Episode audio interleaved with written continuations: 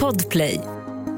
Live från Studio 1, det här är D-Daily Messiah, ditt nyhetsflöde med mig, Messiah Hallberg. Klara Doktorow. John Melander Lambrell. John, vet du vem jag eh, träffade på en tv-inspelning häromdagen? Jag tänkte på det hela tiden när jag satt med honom i, i logen. Nej. Nej. Eh, Det är väldigt konstigt, jag trodde aldrig jag skulle befinna mig i samma eh, sammanhang som honom. Okej. Eh, alltså, Mårten Palme. Ja. Va? Ah, ja, ni är med i Alla mot alla. Ja, Det här är så sjukt. Men, men, men eh, okej, och pratade ni? ja, jo, jo, jo. Vad pratade ni om Palme?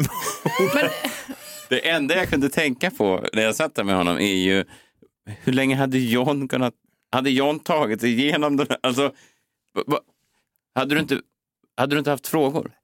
jo men såklart, jag hade ju inte ställt dem då, jag, är alldeles för, jag skulle tycka det var alldeles för jobbigt. Så Men, det hade varit, du hade suttit och pratat med honom eh, så här öga mot öga och du hade då i huvudet hela tiden tänkt s- olika frågor. Ja, och risken skulle vara stor att mitt huvud liksom, alltså på riktigt exploderade medan. Ja. Men för, Mårten Palme har ju köpt Stig Engström-teorin. ja, men han köper ju alla teorier som polisen. Nu ska vi inte baktala, men det, det, är väl- han, Nej, men- ja, men han köper väl, vad fan ska man göra då? Nej, nej, Man- men jag menar ja. inte så. Men det jag skulle komma till var Ja. att så här, eh, han har ju officiellt, eh, offentligt köpt alla teorier som polisen har kommit till. Men jag har alltid fått känslan, för han dyker ju upp, Mårten Palme, ibland på olika sådana här privatspanarträffar och så. Det är ofta i ABF-huset. Mm. Eh. Så jag har alltid fått uppfattningen av att Mårten Palme är Liksom, han är ganska intresserad och han tror nog att det här är inte löst och han har nog liksom teorier om vad som har hänt men han har inte kunnat säga det offentligt med Nej. tanke på sin familj och så här, vilket är väldigt förståeligt. Ja. Mm. Och vad hade det lett fram till om du har den inställningen när du möter honom i en loge? Hur länge hade du kunnat känns- hålla dig innan du bara, så Skandiaman, vad tror du att det... Och sen hade du stått där och varit lite arg på hans svar och stamp i golvet. Jag tror att det ifrågasatt Palmes son. Fan kan du tänka Ja, men jag, hade, jag hade haft en fråga i alla fall. Ja, vad en är det fråga. då? Ja, men det jag hade frågat var, vem var det som eh, föreslog att ni skulle gå hem och dricka te eh, hos er? Det, det är det enda jag skulle frågat. Om jag skulle ha vågat fråga. Vadå, vem om du träffar i honom gruppen? igen i... i, i, i Jag kommer inte fråga honom vem som föreslog Vadå? te. Vadå? Ja, vem det För var. du tror att det är Lisbeth? Nej, nej, nej, men det är lite oklart vem som fr- bad om att dricka te. Eller vem som föreslog Nej, det. men då vet jag ungefär vad du menar. Va? Ja.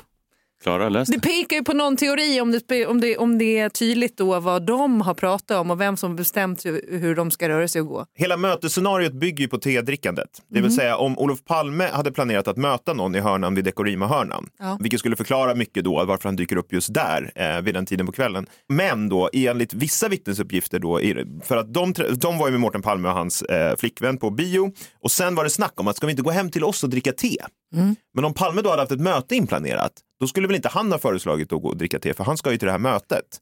Men då enligt eh, Mårten Palmes flickvän så, säger, så var det Olof Palme som föreslog att de skulle gå och dricka te. Och det dödar ju mötesscenariot totalt. Ja. Ja, exakt. Så, eh, för, att- för att summera, För att summera, ja, så Så vem, tror jag- vem ville dricka te? Okej. och också för att summera, jag tror att vi ska försöka hålla er separerade. Det är Mårten Palme. Eh, det är nog bäst.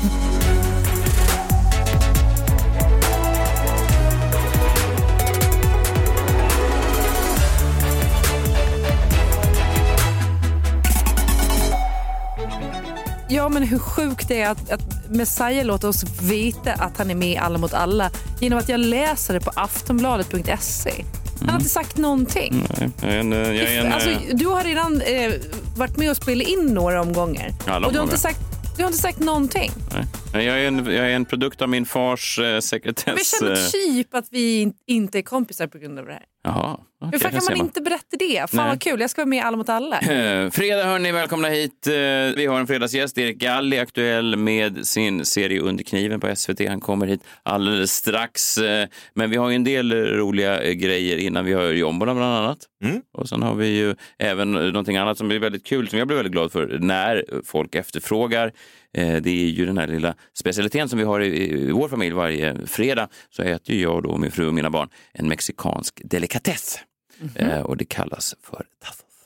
Det är så gott med tassos i alla dess smaker En miljon tassos och en miljon smaker Messiah testar alla tassos som finns Hej!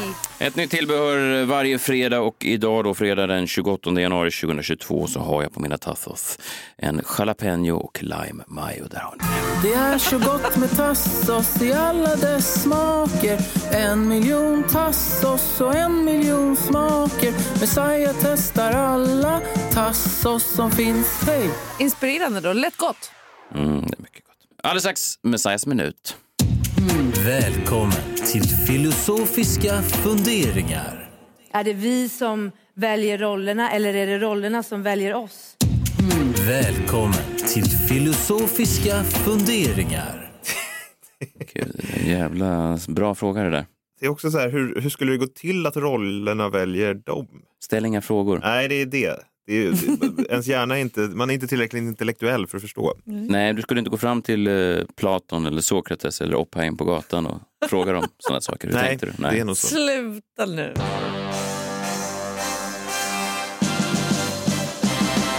Messiahs minut. Ibland undrar jag, är det jag som väljer Messiahs minut eller är det Messiahs minut som väljer mig? Det är det jag undrar. Det är det. Ja, I det här fallet är det faktiskt minuten som valde mig. Jag gick på gatan och så såg jag dem. Och de pekade på mig och sa du måste säga det här. Och det måste säga. I alla fall, eh, det handlar lite om Guldbaggen. Apropå Guldbaggen, det handlar om eh, filmen som fick fem Guldbaggar. Stor vinnare, eh, filmen Clara Sola. En film då där hisspitchen är en ung kvinnas mormor doppar hennes fingrar i röd het chili och försöker få henne att sluta onanera. Och det är en Men det hisspitch. var ju inte bara det. Nej, inte bara, men det är det ändå man fokuserar på.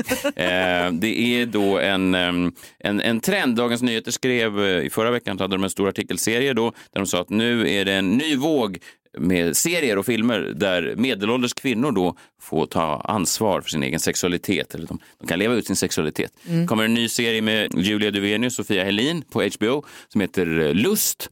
Eh, där då ett gäng 40-åriga tjejer visar att nu är det okej även för kvinnor att leva ut. Och så finns det ju då ja, men Sex and the City då, där de är 55 nu igen, just like that, där kvinnor då får leva ut sin sexualitet. Och även 98 när Sex and the City först kom så var det ju då eh, en serie där 40-åriga kvinnor får visa att nu är det dags för oss att få leva ut. Sofia Kappel, eh, hon vann eh, bästa kvinnliga huvudroll för filmen Pleasure. Eh, Hon spelar en liten yngre kvinna då i porrfilmsindustrin och hon blev intervjuad här i DN och sa det är viktigt för mig att visa att yngre kvinnor att det är okej att leva ut sexuellt. Så man kan säga nu att det verkar vara helt okej i alla fall för kvinnor att leva ut sexuellt. Och min fråga är då Eh, har vi inte fått nog nu? Alltså hur många, hur många filmer behöver ni kvinnor för att få ett klartecken att det är okej? Unga kvinnor, eh, ja de ligger. Eh, medelålders kvinnor, ja de ligger. Kvinnor i den costaricanska djungeln, de verkar ligga också. Det, det är liksom... Alltså, jag- min mormor låg till och med. Ja, jag fattar. Men jag menar bara att, att det, är, det är ju liksom inte lite klart nu. Alltså, jag tycker det är jättebra att de ligger, men hur länge ska vi använda det här som en del av en progressiv rörelse? Hur länge ska det användas för att vara en krycka till filmer som inte har någonting annat att sälja på än att det är okej för kvinnor att, att ta för sig sexuellt? Jag tycker inte det bara känns så spännande längre. Tänk om en film skulle pusha så, eh, den här filmen handlar om fem killar som älskar att knulla. Vem skulle vilja se det? Den äckligaste filmen någonsin. Eller hur? Att, att någon tar lilla Pablos fingrar när han är fyra år och stoppar ner dem i, i chili. Hans pappa kommer, du ska sluta runka Pablo. Och så, det är ju ingen premiss som någon skulle gå och se. Nej. Ingen skulle hylla den som en konstnärlig eh, progressiv film. Men det, det, det är där vi är då, för kvinnor kan alltid hävda att filmer där kvinnor får ha sex utan att bli dömda, så är det då någon slags en del av en progressiv rörelse. Jag fattar att kvinnor i 40-årsåldern har sex. Jag har en fru då som är över 40 år eh, och jag ska inte bli för privat, men ibland så, ibland så kommer, kommer, kommer bli, ja, ibland så blir det, kommer vi till skott. Har du gjort kultur av det? Yes. Nej, men det är inte som att jag klappar mig själv på ryggen då och tänker att jag är en del av en progressiv framåtrörelse. Jag säger bra, ta rygg på mig allihopa. Kolla här vad jag gör när jag betäcker en gammal, gammal kvinna. Nej, men hon är inte så gammal. Nej, jag vet, men hon är inte tillräckligt gammal för att hyllas som en progressiv rörelse. Åh, hon kan fortfarande andas. Hon är 45. Ja, men jag, jag köper inte det här heller. För Det har väl alltid varit att äldre kvinnor har en sexualitet att leva ut och få knulla och att man är som kåtast när man är 50 typ. Jag bara tycker att det känns inte så progressivt. Det är inte som att de spelar in, det är inte som att vi gör Sex and the City i, i, i Iran. Det hade ju varit någonting. Ja, alltså, I. Teheran, Sofia Helin och Julia Devenes åker till Teheran och kan inte sluta knulla. De är överallt, på basarerna, utanför moskéerna. Det kommer ut någon imam och bara sluta knulla! Det hade ju varit progressivt på riktigt, men det är det ju inte. Utan man går runt på Manhattan och är 50 år och har sex med folk. Det, liksom, det är så, jag vet inte, det känns bara inte så spännande. Jag håller med. Ja, och sen så kan jag tycka att eh, när man går tillbaka i historien, min favoritserie, en av mina favoritserier i alla fall, Pantertanter, Golden Girls, Ja. eh, den kom redan 1985 Och vi har redan fastslagit då att de var ju lika gamla då, de gamla tanterna, som Carrie och Miranda är i Sex and City Ja, nu. men det är ju det är ju otroligt. Ja, men det är till och med så att Blanche Devereaux, alltså den original Samantha, Hon som var sex. Ja, ja. sextokiga. Hon var alltså 51 år när Panter spelade in. Ja, vilket gör henne, vilket, hon, skulle då vara, hon var yngst av dem, men hon var också yngre än Carrie är nu. Ja, det är hon, ja. Eh, och, och, och hon var ju då en, en kvinna som tog för sig sexuellt eh, långt innan eh, Sex and the City och i ett Amerika som var mycket mer konservativt. Och det här var ju dessutom på familje-tv som hon då låg med män till höger och vänster och ingen som dömde henne. Så jag tycker att det är lite konstigt att hävda att en rörelse som har funnits liksom i, i 40 år ändå ses som progressiv så fort man säger att här är kvinnor som gillar sex. Ja, vi fattar! Jag vill ha se en ny film där tre kvinnor åker till eh, någonstans och så säger de "Eh, jag hatar sex, jag vill aldrig mer ha sex. Det är som att vaginan, om man, om man sätter ner en mikrofon till vaginan på dem så hör man hur den snarkar. Den är liksom helt, den är avsomnad. Det finns en liten gravsten innanför trosorna där det står här vilar Fiffi. Eh, Det är då omskrivning för vaginan. Eh, Det tycker jag är mer Vi spännande. vet det. Eller hur? Ja. Tre, tre kvinnor som inte bryr sig om sex överhuvudtaget. Är inte det mer progressivt? Och inte det också en mer spegling av hur verkligheten egentligen ser ut? Enligt Ja, min uppfattning. Ja, jag kan inte komma på något mer progressivt än att du går in på typ något produktionsbolag, FLX, och pitchar att du ska göra en serie om tre kvinnor vars vagina har somnat. Ja, men jag har varit med om det flera gånger. Det är riktigt obehagligt. Alltså säkert när bara halva somnar. Halva somnar, halva gör det inte. Men jag vill säga Vilken att halva? Och hur vet man hur man ska, vilken man ska oftast välja? är det den högre som somnar. Ja, man får se till att väcka den andra halvan så att båda är med på noten, annars kan det bli... Ja. Samtycke. Nej, men jag håller med, för jag tycker själv som kvinna att det är en stress att man ska vara kåt Ja, när man blir det är äldre. det jag menar. Jävla stress. Ja, Men man ska inte bara vara kåt när man är äldre, man ska vara kåt även från man är ung, medelålders, man, man är tant. Jag tycker bara, gör en serie om tre svenska kvinnor som är helt ointresserade av sex. Det skulle jag vilja titta på. Och eh, för att hylla då eh, pantertanter och visa vilka föregångare de var, här är ett klipp då med Blanche Devereaux, 51 år gammal, kåt som satan! Långt innan Carrie Bradshaw körde upp sin första rabbit. This whole fantasy about Bob Hope is sick. Sick. I mean, if she's gonna have fantasies, they ought to be the normal, healthy kind. Like sweaty Argentinian cowboys whipping things while they ride naked on the back of Brahma bulls. I have to remember to stop using your towels.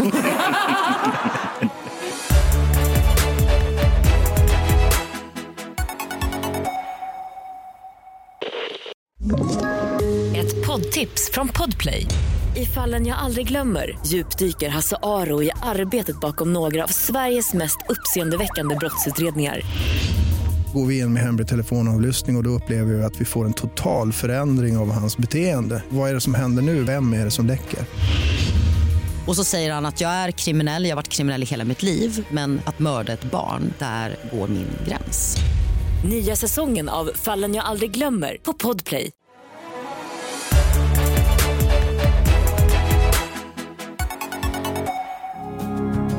Nu är det dags för Jonbolan.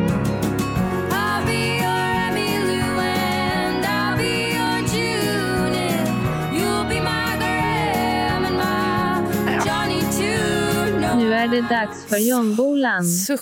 Alltså, jag blir så deprimerad varje gång jag hör den här. För den här låten lyssnar jag jämt på när det hade tagit slut med mig och mitt ex. Alltså, det, är, det blir bara jobbigt. Intressant. Eh, Det, jag tror att det som gör det deppigt är att det kommer en sån här neggig kommentar varje gång efter jingeln från någon av er två. Va- Det var inget fel på den andra. Nej, men det är ju folkstorm ska vi säga på våra sociala medier att i Daily Messiah, eh, folk är ju upprörda. De vill ha tillbaka den gamla fest... Okej. Oj, nu. Varje morgon så drar du en lapp då ur din stora eh, jombola och du svettas och du har dig och eh, sen drar du fram en lapp. svettas inte. Jo, du, du svettas något enormt. Inte på den delen man ser, men... Ja. Vad står det på lappen? Läs nu bara. På lappen står det? Eh, sluta säga vad står det på lappen. Aningslösa influencers står det. Ja, ah, spännande. Mm. Oh, det Ja, kommer ni ihåg det kontot? Mm, Jag, jag, har blev faktiskt, eh, lite sur på dem. jag har fortfarande blockerat dem för jag vill inte att de ska se var jag rör mig. Ja, det var ju för smart. Ja, jag trodde Ja, jag, jag sa att de hade ganska brun eh, liksom, eh, retorik. Vadå, att de var nazister? Jag menar att det var liksom så här, att man Vadå, de brann för den ariska rasen och klimat? Nej, men jag tyckte att de, Gick de i demonstrationen? i de lite helgen? var så här, eh, liksom bränna influencers på liksom torget. Typ. Det var den känslan. Ja, det tycker du är att fel det är influencers som ska brännas på bål. Nej, men jag tycker att influencers är ju bara någon slags eh, temperatur på vad som är fel med samhället. En avspegling av vår tid. Ja. De var ju, vad förklara, det var väl var det ett år sedan, det var två år sedan var nu egentligen de som var mest aktiva, eller? Eh, precis innan pandemin då, när, eh, när influencers flög så hängdes de då ut på det här Instagramkontot och fick ganska mycket följare och de sa så här, titta här nu, Bianca Ingrosso skiter i vår planet i Ja, stort exakt. sett. Och så kunde då rättrådiga människor från hela Sverige skriva, åh fy fan, jag skulle aldrig flyga. Nej, och Jag skulle aldrig använda en luftburen farkost. Folk. Nej, exakt. Och det var, jag gick tillbaka och kollade några av de mest liksom, populära inläggen. Och det var ju just det där att de, att de reste mycket, men också att de handlar massa grejer. Massa slit och släng-produkter. Ja, ja, det kan man väl i och för sig ifrågasätta mer. Ja, exakt. Eh, Och, och det var liksom en, en stor grej. Och också att de lanserade klädkollektioner eh, med liksom nytt material trots att de bidrar till ett sämre klimat genom det och så vidare och så vidare. Eh, och jag tror att influencerna lyssnade på eh, oss och de aningslösa influencerkontomänniskorna. Och nu kommer liksom baksidan av det här, tror jag. Alltså en backlash kan man säga. För att istället för att handla nya kläder så väckte Bianca Ingrosso liv i ett gammalt klädesplagg häromdagen eh, som länge legat på hennes vind, skrev hon. Eller hon skrev eh, I found it on my wind, skrev hon på Instagram. On my wind. Ja. Men jag antar att hon menar vind som i högst upp i huset och, i, och inte att plagget inte bara kom blåsandes nerför gatan. eh, men jag kan läsa lite här. eh, Fångad i en stormvind ja, med en päls. jag, Ja. jag, jag antar att hon menar vinden Ja, ja. uppe Ja, men det är klart gör. Ja. Eh, och det här var väl bra, då. hon väckte liv i ett gammalt plagg istället för att köpa ett nytt. Jag läser det här från eh, Svensk Damtidning. Eh, Bianca Ingrosso publicerade flera bilder på den gröna kappan för sina 1,3 miljoner följare på Instagram. Men hon möttes snabbt av kritik i kommentarsfältet då flera menade att jackan är gjord av rävpäls. Ja. Då skrev någon, det är sorgligt att äkta päls fortfarande används och till och med glorifieras i klädindustrin. Är det äkta päls, skrev en annan, då blir det att avfölja direkt. Eh, enligt en skärmavbild från företagets hemsida som har gjort den här kappan då, så står det att kappan är tillverkad av rävpäls och även en annons från Facebook visar samma modell som Bianca uppges ha burit på bilden. Och eh, Bianca, som hon så ofta måste göra, tvingas hon försvara sig. Eh, I ett sms till tidningen skrev hon då att eh, kappan är ju gammal, men att hon är säker på att den inte är äkta. Hon skriver, jag köpte den för flera år sedan och jag har haft den på vinden. The Wind. Och flera år, jag har haft den på vinden i flera år, men är nästan helt säker på att det är fake för jag skulle aldrig köpa en äkta pälsjacka. Jag köpte den på en hemsida. Jag vet inte Vad det betyder, men... Eh, ja, men och som så ofta med influencers så får vi ju skylla oss själva. Alltså det var ju vi som höll på att gotta oss i det här aningslösa influencerkontot. Och här är ju då backlashen, då blir det liksom rävpäls istället. För det var äkta päls ju. Ja, det, det, det, om det... Företaget själva gick ut och sa vi, vi har sålt den här till Bianca och det är äkta rävpäls. Ja, men om det tvistar fortfarande de lärda. Men, men eh, det var en grej. Och sen var det ju också det här med att resa och handla en massa grejer då, som aningslösa influencerkontot var väldigt hårt emot och ville bränna influencers kanske på bål för. Och då såg jag influencern Margareta Gräs eh, åkte till Zanzibar för inte så länge sedan. Följer ni henne? Ja, det såg så härligt ut. Ja, och eh, hon verkar också ha smittats av det här för att i eh, en, av hennes senaste videor, eh, Youtube-videor från Zanzibar, så eh, framhåller hon mycket att ja, visst, vi har åkt på resa, jag och min kille, men eh, vi håller i alla fall inte på att handla en massa grejer. Alltså inte en massa slit och släng-produkter och så. Eh, vi kan väl lyssna på vad hon säger. Så alltså, vi, har ju inte tänkt, vi hade ju inte tänkt att handla någonting direkt på den här resan. För jag och Fredrik är inte så himla souveniriga. De hade inte tänkt att handla någonting. De vill, liksom nästan, eh, de vill ursäkta sig nästan innan de eh, liksom har kommit fram på, till Zanzibar. Vad tycker ni om den här utvecklingen? Nej, alltså jag vet inte. Jag tycker också att det är lite fånigt. Du åker till Zanzibar, ska du inte vara med och bidra till samhället där? Vi bor ju i en kapitalistisk världsordning. Då måste vi ju spela enligt de kapitalistiska reglerna tyvärr. Men influencers vill ju framhålla att de använder gamla kläder från vinden istället för att köpa nya och att de kanske åker på resor men att de minsann inte handlar något. Eller? Vi lyssnar vidare på Margareta Gräs video från Zanzibar där hon inte ska handla något och speciellt inte några souvenirer som hon sa. Men någonting som jag köpte, det var på den här Spice Plantationen som vi var. Då sålde de för det första så sålde de tvål i olika såna här. Och då köpte vi aloe vera, Langi Langi som jag ska prata med alldeles strax om. Våra guide Kibo, han tog oss med till typ den här souvenirshoppen som jag visade då. Så där köpte vi lite. Fredrik köpte kaffe. Och sen köpte jag en sjal. Mycket för att kunna ha typ så här på hotellet och så nu. Men också jättefin. Jag köpte den typ för att kunna, eh, du vet, skyla mig lite från solen. Och... Men sen köpte jag den här. Nu får du komma närmare älskling. Och det här är ett par örhängen. Ja, så från att hon inte skulle köpa någonting och inga souvenirer så blev det eh, sjalar och eh, örhängen och allt möjligt där. Så det här har liksom lett till att vi nu i alla fall har aningsfulla influencers. Och är det verkligen så mycket bättre? Det jag undrar är ju bara så här, vill vi ha massa influencers som håller på och ursäktar sig hela tiden? Alltså det är väl, det är väl ännu mer störigt. Så länge man inte är souvenirig brukar jag säga. Eller hur?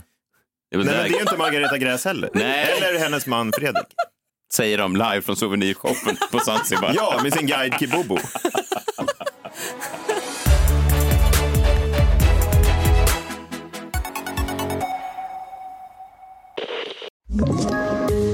Poddtips från Podplay. I podden Något Kaiko garanterar östgötarna Brutti och jag, Davva, dig en stor dos skratt. Där följer jag pladask för köttätandet igen. Man är lite som en jävla vampyr. Man har fått lite blodsmak och då måste man ha mer. Udda spaningar, fängslande anekdoter och en och annan arg rant. Jag måste ha mitt kaffe på morgonen för annars är jag ingen trevlig människa. Då är du ingen trevlig människa, punkt. Något Kaiko, hör du på Podplay. Därför är gardinerna.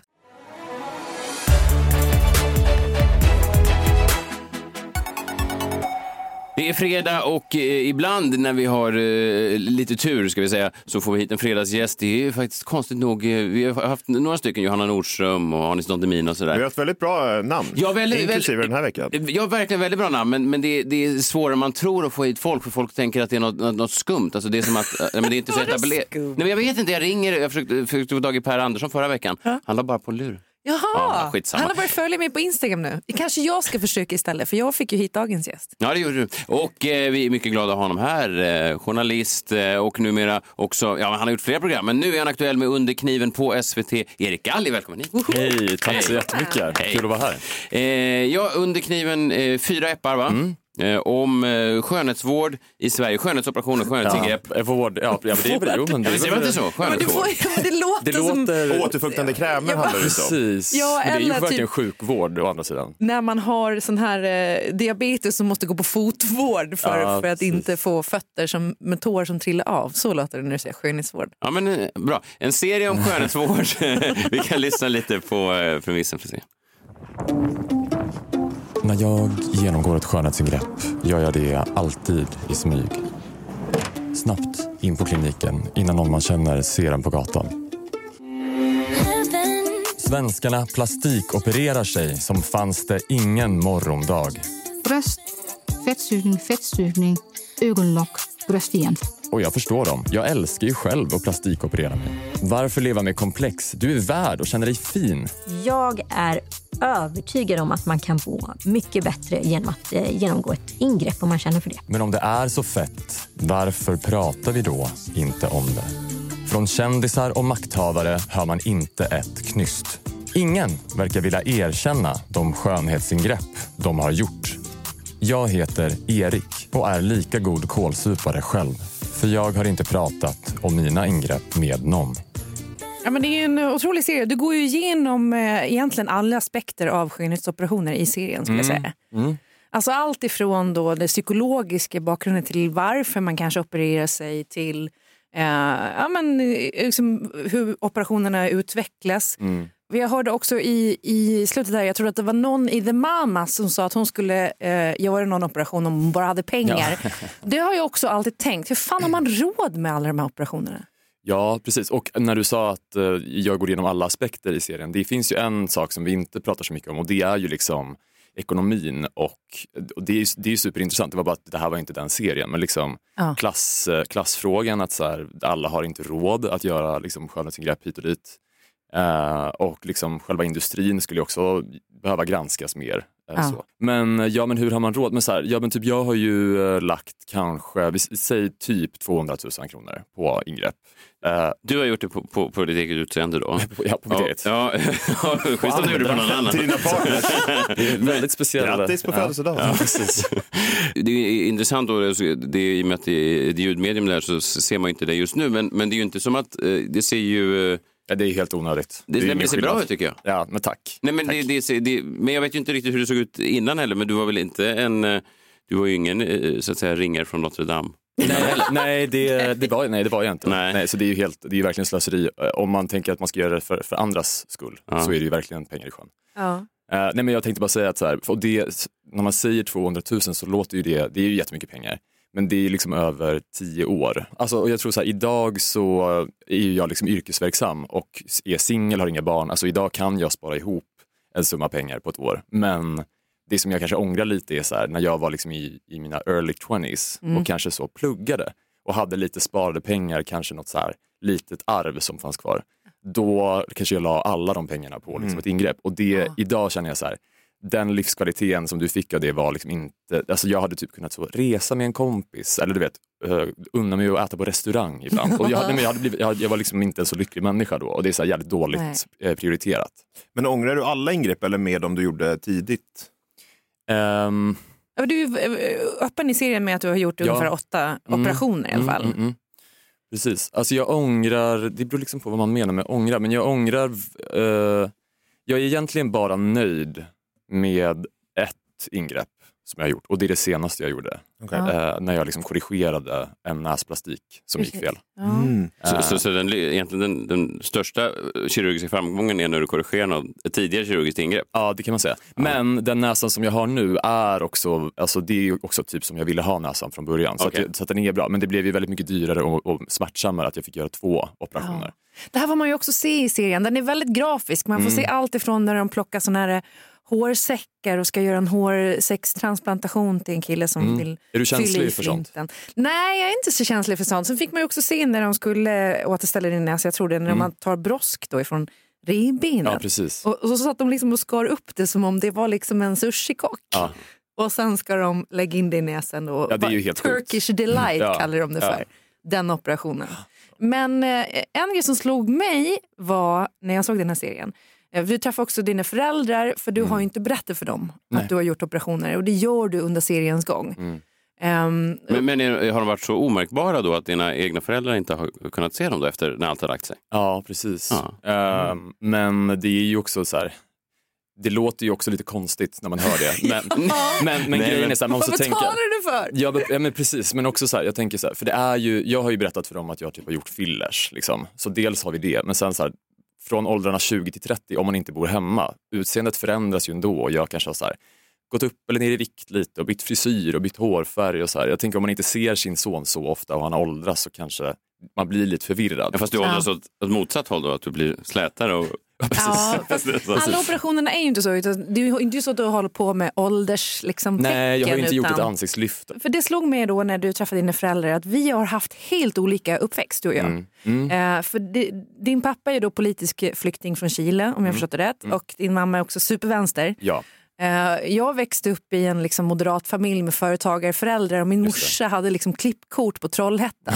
dit hon åkte och gjorde fettsug eh, magen, hon fettsug haken, hon har gjort gastric bypass, hon har tatuerat sån här eh, ögon. Ja, ja, ja, ja. Ja, hon Fan, tatuerade vad också Ja. vilket gjorde, hon gjorde liksom fem millimeter utanför läppen. Okej, Alltså, det var- det var Mm. Men var det så hon hade någon sån som Jokern? Ja! Eller? Ja, och hon skrattade så mycket efteråt för det blev ju fel. Så, så Nej. hon fick ju gå med läppstift i två år innan det där bleknade. Nej. Att inte skulle synas. Men gud vad intressant, men hur, hur påverkades du av det? Nej, men det är precis det. Jag blev ju väldigt påverkad av det och jag har alltid tänkt att så här, det där kan, det kan man lösa. Bara man har pengar så Ja. kan man lösa de där grejerna som Ja. man vill lösa sen. Liksom. Men jag tänkte på det då, på tal om det, för att jag ska visa dig en bild nu. För i serien så eh, får kändisvenskar eh, titta på ditt utseende Mm. eh, och så får de säga vad du har gjort. Mm.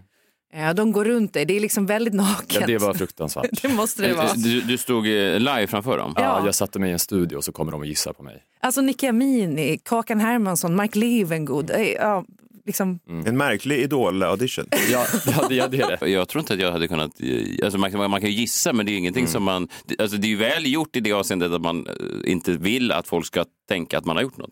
Jag ser, Tack. nej men när jag ser nu så tänker inte jag, oj här kommer, en, här kommer en människa som har gjort grejer på sig själv. Nej, men grejen är att eh, nu när den här serien har släppts, det är ju kul att höra det från dig, men det är ju verkligen inte alla som håller med om det. Alltså jag, har ju, jag lyssnar ju på ganska mycket eh, av folk som snackar om serien. Och så. Det ska man inte göra, Och- tror jag. Nej, det ska Nej. man nog inte göra. Men Nej. grejen är att jag är också producent så att jag, jag har liksom lite dubbla stolar så att jag tvingar mig själv. Jag vill ju också att serien ska gå bra. Jag vill ändå bevaka liksom, Säg vilka media. som är svin. Nej, men det, eh, det, det, nej, det kommer jag inte säga. Ja, men, jag Nej, jag men- har rykten av viss på en annan Men, men, men det är en del som är så här, så här, men gud han är så jävla korkad, hur kan han ha gått runt och trott att folk inte ska se det här? Alltså det ser så gjort ut typ. Ja. Det, det finns liksom, eh, jag vet inte riktigt vem jag ska tro på. Nej, för, nej, nej, du kan tro på, på mig i alla fall när jag säger det här. Men, men, men, eller, eller, så, eller så är jag störd att jag inte... Nej, alltså jag eh, känner, känner ju Erik sen innan och Mm. jag visste inte om det här alls förrän du berättade att du gjorde den här serien i Nej. våras. Och jag bara va? Jag hade, jag hade aldrig tänkt på det. Nej. Jag har inte heller sett det innan. Men jag tänk, vad, förlåt, men vad, vad konstigt att eh, kommentera någons... Tror du att det är mer okej och eh, eventuellt kommentera ditt utseende för att du är en kille då? Mm, jag- Säg att en tjej hade ja. gjort den här serien och sagt så här, då hade ju ingen suttit på någon, på någon radiostation någonstans och sagt... Jo, det tror jag. Tror du? Det, de, de, en del av de här personerna hade nog En gjort del det. För att, de sa, för att de är IQ-befriade generellt sett.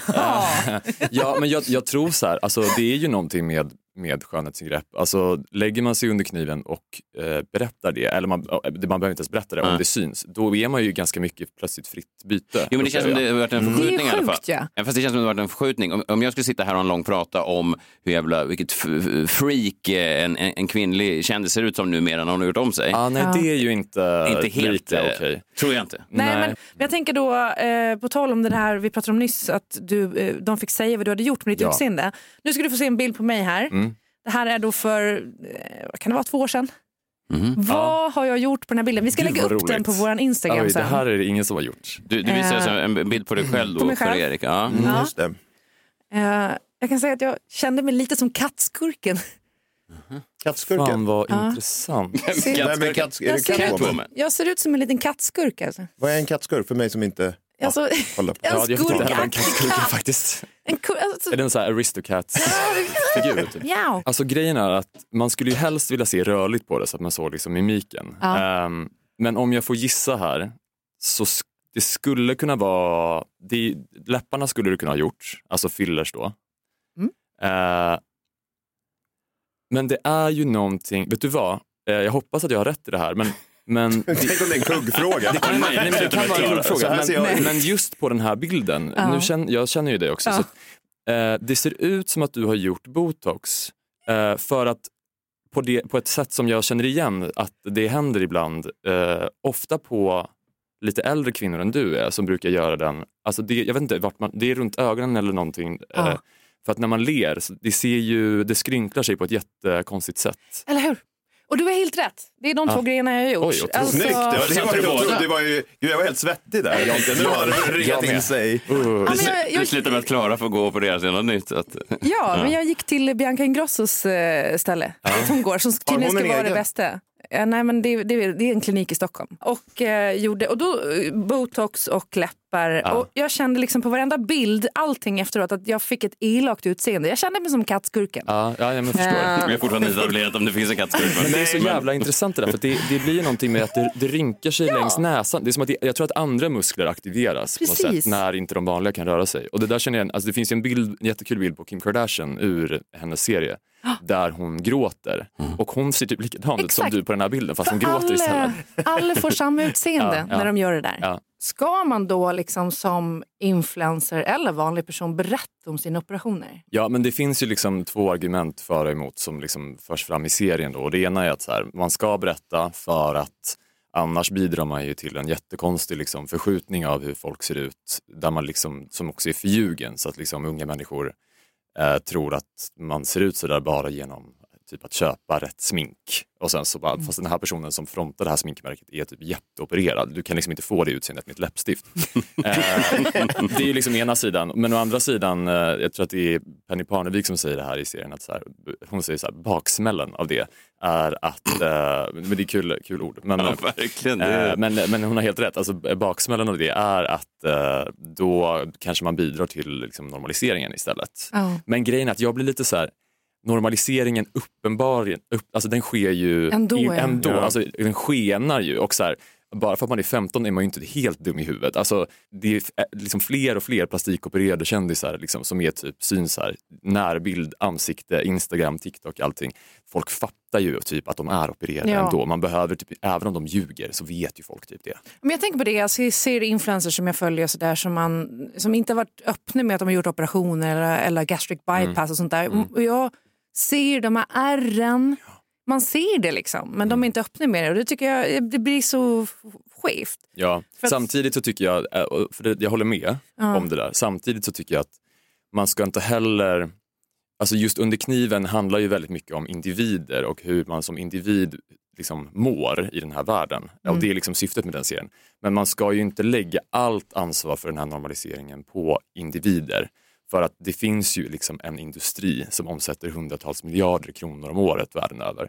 Och det är ju egentligen liksom, ligger ju mer på dem och på våra liksom politiker som har liksom makten att så här, hur reglerar man den här branschen, hur granskar man den kanske som journalist? Och så här, det är ju de som, alltså bara de termer som den här branschen hela tiden försöker hitta på för att liksom sugarcoata Mm. olika kirurgiska ingrepp.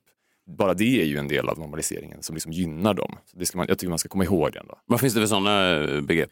Ja, men typ nu är ju så här, en av de nyaste liksom, trendoperationerna i USA som är liksom där vi plockar, där vi tar efter. Liksom. Mm. Den heter ponytail lift. Och det är liksom, nu har man, förut har ju ansiktslyft alltid varit någonting man marknadsför för lite äldre personer för att liksom se yngre ut. Mm. Man drar, drar upp liksom. Eh, men nu det här då hästsvanslyftet, det gör man på 20-åringar. Det ska appellera Ja, då- och då gör man små, som, man gör små snitt uppe i hårbotten och sen så drar man liksom åt som en hästsvans. Ja. Då får man bara ett sånt här, du ser inte yngre ut utan du får bara så här, Kendall Jenner, alltså Bella och Gigi Hadid, alla de sägs ha Ja. gjort det här. Ariana Grande nu och hon ser ju nästan asiatisk ut för att hon har dragit upp så här. Otroligt. Eh, och det är ju bara ett Fox exempel typ. på hur man liksom, man hittar på så här sexiga namn på saker eh, och marknadsför dem hårt mot nya grupper. Liksom. Mm.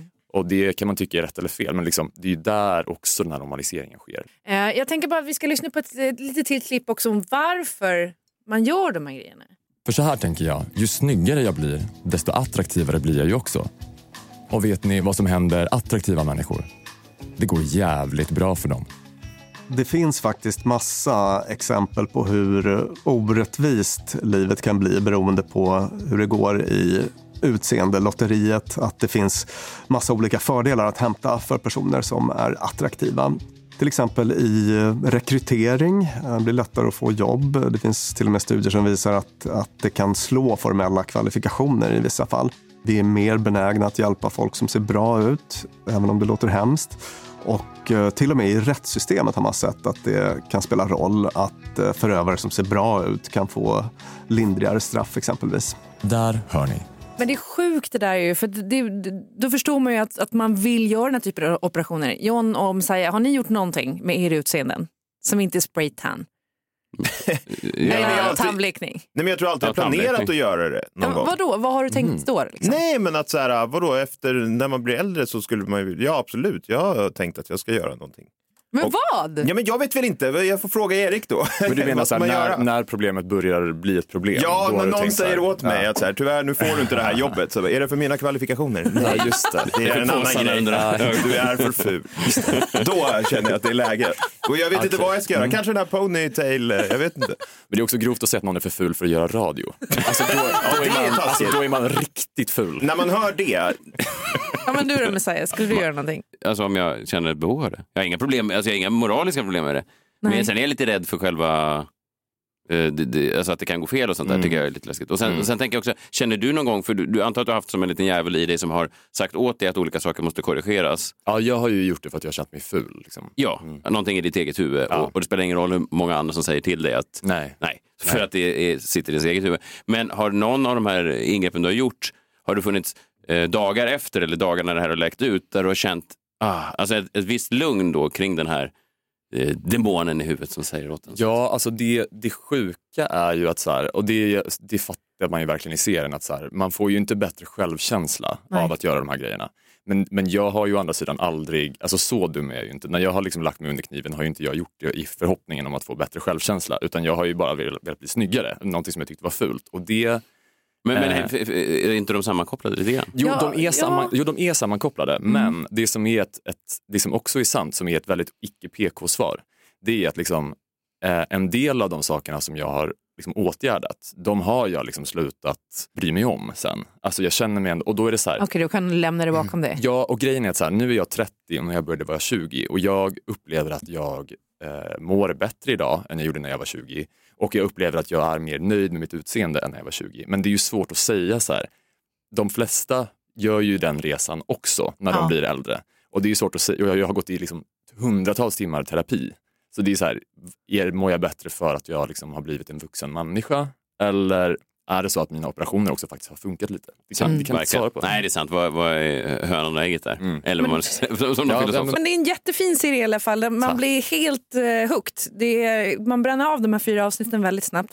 Eh, Jag tror det är väldigt bra att titta också om man har funderingar kring att göra skönhetsingrepp och så. För det, ni går ju också igenom lite baksidan av det. Och, Det är en läskig process tänker jag när man tar av, eh, alltså när man ska få se det för första gången, eller? Ja, det ja, måste det- Vad- vara... Vad ser du framför dig som, som är en sån serie att de drar bort som en, mumie och så har man ett helt nytt ansikte? Ja, men jag skulle bara, nej men ju precis att man är så här, nu kan jag i alla fall fly undan mina skatteskulder. Typ. Alltså det kommer hända om du går på Bianca Ingrossos eh, ställe. Eh, De, de frågar dig, vill, du ha, vill du ha en konsultation om vad vi typ skulle kunna göra med ditt ansikte?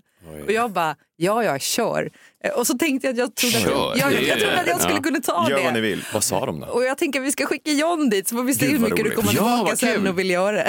Du vill göra Ja, allt. kul. Ja, absolut. Ja men du vet, de bara så här, ja och här är du lite ojämn Det och där skulle vi det kunna fylla ut. Det där sen- tycker jag verkligen är, det där tycker jag är fel. Ja, fel, det är vidrigt. Det är vidrigt. Ja. För att eh, det är en sak om man kommer med egna komplex, men det där är ju liksom skapa, det express skapa komplex. Det gjorde det faktiskt. Jag blev, kon- jag blev kontaktad av någon sån här skönhetsfirma eh, för några år sedan. Hej, hej, vi skulle vilja bjuda dig på eh, ögon, eh, ja, behandling mot mörka ringar eller någonting. Oj. Så bara, Men vad det var någon slags sponsor? Ja, de skulle ge mig det. Ja, Fast men det- vadå, ja, bara för alltså, the goodness of their heart? Eller att Nej, de du- tyckte väl att jag var så trött ut. Ja. Precis, det är ju superförolämpning också. Ja, Ja, men det är det det är. Det är så här, Vi vi, ser att du vi behöver har hjälp. jagat ner dig. Vi kan inte se en enda bild på dig till. Nej. Äntligen har vi hittat en kille som, som verkligen kan bli... Som ger mörka ringar ett ansikte. Ja, jävlar. Ja, men det är ändå ganska, jag blev, jag blev, för, jag blev faktiskt eh, lite arg. Ja, men Och det, förstår det jag. förstår jag. Men sen nästa gång jag såg mig i spegeln så såg jag bara titta på de här jävla ringarna. Så Ja, det, är så, det, det- det är så ja. de jobbar de här Det är så de gör det. Det här är ja. säsong två känner jag direkt. Ja, Bara söka Bara följa mig. Ja, precis. Men fan, jag blir li, lite avundsjuk också. Det är ingen som har hört av sig till mig än och frågat om jag vill ha någonting. Det borde de göra för man tänker att du ändå... Du Jag är väl supermottaglig för Ja, det ja. Just det. Eh, men in och kolla, eh, fyra avsnitt ligger ute på Play och så går den även på eh, Broadcast-TV. Det är, ju bara, det är jag egentligen bara som kollar på Broadcast-TV fortfarande i, i Sverige tror jag. Mm. Och mycket tanter och, och gubbar. Sista avsnittet går då nästa vecka, nästa onsdag. Ja, precis. Eh, Erik Allik, tack för att du kom hit. Tack, det var jättekul att vara här. Visst var det det? Ja, det var väldigt bra. Trevlig helg också. Tack detsamma. Vi tackar eh, Erik. Vi hoppas att ni har haft en eh, skön vecka med oss. Vi hörs igen på måndag. Nu står han där borta och eh, bländar oss med sin gitarr. Vi har en musikgäst såklart även denna vecka. Andreas Jonsson. Har ni hört? Ja, kul. kul. Vi hörs nästa vecka. Ta hand om er. Hej, hej. Hej!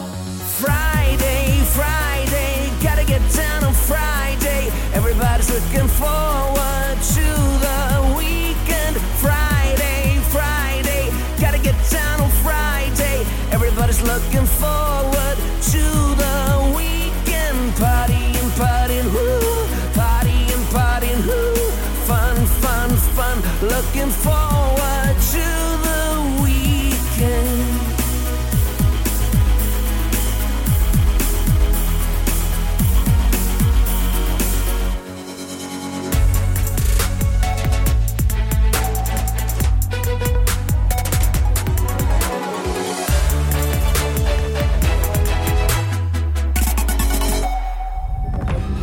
Podplay, en del av Power Media. Ett poddtips från Podplay. I podden Något Kaiko garanterar östgötarna Brutti och jag, Davva, dig en stor dos skratt. Där följer jag pladask för köttätandet igen. Man är lite som en jävla vampyr. Man har fått lite blodsmak och då måste man ha mer. Udda spaningar, fängslande anekdoter och en och annan arg rant. Jag måste ha mitt kaffe på morgonen för annars är jag ingen trevlig människa. Då är du ingen trevlig människa, punkt. Något Kaiko, hör du på Podplay. Därför arkadeinerna.